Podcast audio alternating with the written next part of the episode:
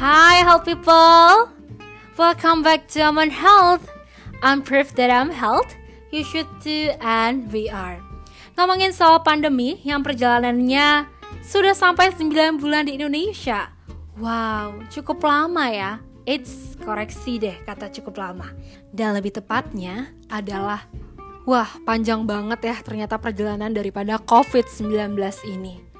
Ngomongin soal negara yang sudah mengkonfirmasi terhadap kasus COVID-19, rupanya per tanggal 4 Oktober kemarin terdapat 214 negara dengan total kasus mencapai 35 juta. Wah, sangat menakutkan sekali ya health people.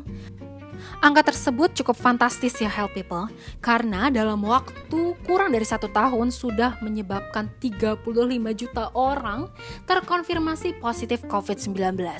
Padahal Help People, di awal perjalanan daripada pandemi ini, beberapa peneliti memprediksi bahwasanya COVID-19 ini akan mengkonfirmasi kasus positif sebanyak 1 juta kasus. Namun, ternyata 35 kali lebih banyak dari angka yang diprediksikan. Bagaimana di Indonesia? Saat ini, kasus di Indonesia per tanggal 4 Oktober 2020 juga mencapai 303 ribu kasus. Dengan total kasus harian yang terkonfirmasi adalah mencapai angka 4 ribu. It's totally scary, help people. Balik lagi nih, help people Berkaitan dengan kasus ini, beberapa daripada golongan masyarakat belum sadar juga loh health people mengenai pentingnya menjaga kesehatan selama pandemi ini. Hah? Serius nih? Padahal kan udah 9 bulan. Masa sih masyarakat belum aware juga? Jadi beberapa golongan masyarakat belum sadar betul loh health people terkait dengan protokol kesehatan yang bagaimana sih seharusnya diterapkan? Padahal nih health people, menjaga kesehatan sangat penting apalagi di saat virus menyebar luas di mana-mana. Kita belum tahu orang di sekeliling kita apakah terinfeksi daripada COVID-19 atau memang merupakan orang tanpa gejala yang masih berada di sekeliling kita. Sampai saat ini, Kemenkes dengan gencar melakukan kampanye terhadap protokol kesehatan dan Amune Health sendiri menyebutnya dengan 3M. AIDS, 3M ini berbeda ya dengan kampanye yang dilakukan Kemenkes terhadap penularan daripada DBD. Apa sih 3M itu? 3M itu adalah suatu kampanye yang bertujuan agar masyarakat menggunakan masker, mencuci tangan, dan tetap menjaga jarak. Yuk kita bahas health people. Yang pertama, penggunaan masker. Penggunaan masker ini sangat penting, terutama dalam mencegah penyebaran percikan atau droplet yang kita tahu, transmisi daripada COVID-19 ini melalui droplet ya help people, sehingga menyebabkan orang lain yang belum terinfeksi menjadi terinfeksi. Salah satu poin pentingnya harus diketahui oleh health people, masker apa sih sebenarnya yang cocok sekali untuk digunakan di masa pandemi ini? Menurut daripada WHO dan gugus percepatan penanganan COVID-19 menyatakan bahwa terdapat tiga masker yang direkomendasikan penggunaannya selama COVID-19 ini yakni yang pertama adalah N95, yang kedua adalah masker disposable, yang ketiga itu adalah masker kain. Masker N95 ini sangat cocok loh health people untuk mencegah penularan daripada virus corona. Masker ini cenderung lebih mahal dari masker bedah namun, masker N95 memiliki kelebihan tidak hanya mampu menghalau daripada percikan air liur saja, tapi juga dapat menghalau daripada partikel kecil yang mungkin mengandung virus loh health people. Dibandingkan masker bedah, masker N95 ini terasa lebih ketat ya pada wajah namun pada anak-anak penggunaan masker ini nggak disarankan karena ukuran masker memang terlalu besar dan tidak cocok untuk anak-anak. Di kurang bisa memberikan perlindungan yang baik bagi anak-anak. Tapi health people harus ingat bahwasanya penggunaan masker N95 ini diutamakan untuk digunakan bagi petugas medis yang memang berkontak secara langsung dengan penderita daripada COVID-19. Misalnya dokter dan perawat yang bekerja di ruang isolasi khusus COVID-19 atau di IGD. So, gimana ya kalau masker bedah? Masker bedah atau surgical mask itu merupakan jenis masker sekali pakai yang mudah dijumpai dan memang sering digunakan tenaga medis saat bertugas. Masker bedah ini efektif karena mencegah penyebaran virus corona karena memiliki lapisan yang mampu menghalau percikan dari air liur itu sendiri. Ingat ya health people, jangan sampai salah menggunakan masker bedah ini. Ingat, yang berwarna itu berada di depan, kemudian yang berwarna putih di dalam. Di awal maraknya daripada kasus COVID-19 yang ada di Indonesia, Pembelian daripada masker bedah ini sangat meningkat dan harganya melambung tinggi. Sehingga Kementerian Kesehatan Republik Indonesia menganjurkan masyarakat untuk menggunakan masker kain sebagai upaya preventif dalam mencegah penularan COVID-19. Jadi, masker kain ini tetap dapat menghalau sebagian percikan air liur yang keluar saat berbicara, menghela nafas, ataupun batuk dan bersin loh health people. Jadi, jika digunakan dengan benar, masker ini tetap dapat mengurangi penyebaran daripada virus COVID-19. Selain itu, gak disarankan loh health people untuk menggunakan masker kain ini dua kali. Jadi, sebisa mungkin untuk mencuci masker kain setelah health people selesai menggunakannya. Gimana sih cara penggunaan masker yang benar? Baik untuk penggunaan daripada masker bedah maupun daripada masker N95 yang pertama adalah pastikan health people sudah mencuci tangan dengan benar. Yang kedua, apabila health people menggunakan masker bedah, pastikan sisi luar adalah yang berwarna. Biasanya masker bedah itu berwarna hijau ya health people. Jadi, warna hijau pada masker itu berada di luar, kemudian sisi yang berwarna putih berada di dalam.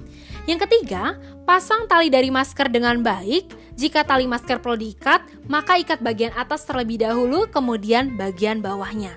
Yang keempat, pastikan masker menutupi hidung, mulut, dan dagu dengan sempurna. Pastikan pula bagian yang ada logamnya berada di batang hidung. Kemudian, lekukan strip daripada logam mengikuti lekukan hidung hingga tidak ada menyisakan lubang. Hindari menyentuh bagian tengah masker saat menggunakan dan melepas masker. Kemudian, buang masker ke tempat sampah dan cuci tangan help people setelah membuangnya. Pada penggunaan masker yang berbahan kain juga, dilakukan serupa dengan penggunaan masker N95 maupun masker bedah. Dan harus memastikan bahwasanya poin sebelum menggunakan masker adalah mencuci tangan terlebih dahulu dan mencucinya setelah masker kain digunakan. Menggunakan masker itu sangat efektif dalam mencegah terjadinya penyebaran COVID-19. Apa pun jenis maskernya, health people harus mengerti cara pemakaian yang tepat. Eits, yang perlu health people ingat bahwa saat ini penggunaan daripada masker yang berbahan scuba itu tidak dianjurkan karena bahannya yang tipis juga bahan scuba yang sifatnya fleksibel dan elastis sehingga rongga kainnya akan membesar ketika ditarik. Penggunaan masker scuba ini juga dilarang loh help people di komuter lain di Jabodetabek. Yuk help people, kita gunakan masker yang sudah direkomendasikan oleh lembaga yang terpercaya saja. Jangan menggunakan masker yang tidak sesuai kriteria ya help people. Yuk kita lanjut ke poin kedua, yaitu adalah mencuci tangan. Dalam melakukan pencucian tangan, Hal people harus tahu nih, bagaimana sih teknik pencucian tangan yang benar? Yuk kita bahas. Yang pertama itu adalah basahi tangan dengan air bersih yang mengalir. Ingat ya help people, yang mengalir. Yang kedua, tuangkan sabun hingga menyeluruh. Yang ketiga, seka seluruh permukaan tangan, termasuk punggung tangan, sela-sela jari, dan di bawah kuku, paling tidak selama 20 detik. Yang keempat, bilas sempurna dengan air bersih yang juga mengalir. Yang terakhir, keringkan tangan dengan tisu yang bersih ataupun dengan menggunakan hand dryer. Sering-seringlah help people untuk mencuci tangan, terutama pada saat berpergian keluar rumah. Sebelum dan sesudah makan, setelah dari kamar mandi, dan setiap kali help people merasa tangan terlihat kotor. Gimana ya kalau misalnya dalam keadaan darurat dan tidak ada sabun maupun air bersih? Hal people dapat menggunakan hand sanitizer, namun perlu diingat bahwa kadar alkoholnya harus 70%. Di mana pun hal people berada, ingat bahwasanya kebiasaan untuk mencuci tangan adalah hal yang penting.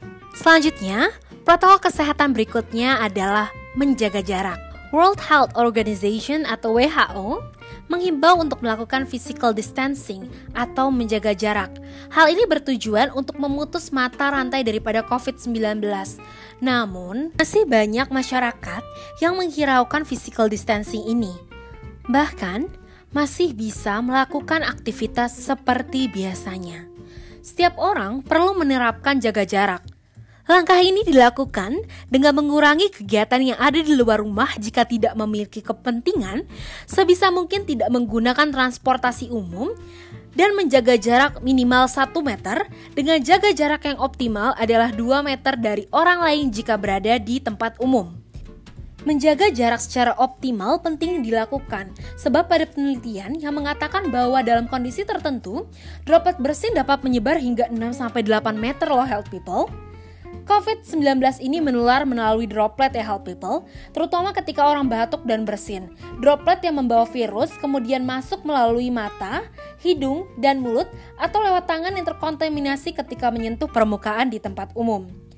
Jadi, jangan lupa 3M ya health people, yakni memakai masker, mencuci tangan, dan menjaga jarak. Tetap menjalankan protokol kesehatan ini ya health people saat berada di luar rumah kebiasaan baikmu akan berdampak besar dalam pencegahan terjadinya COVID-19. Di mana pun kamu berada dan kapan pun, tetap jaga protokol kesehatan, stay safe, stay healthy, and be happy. Let's boost your immune with I'm on Health.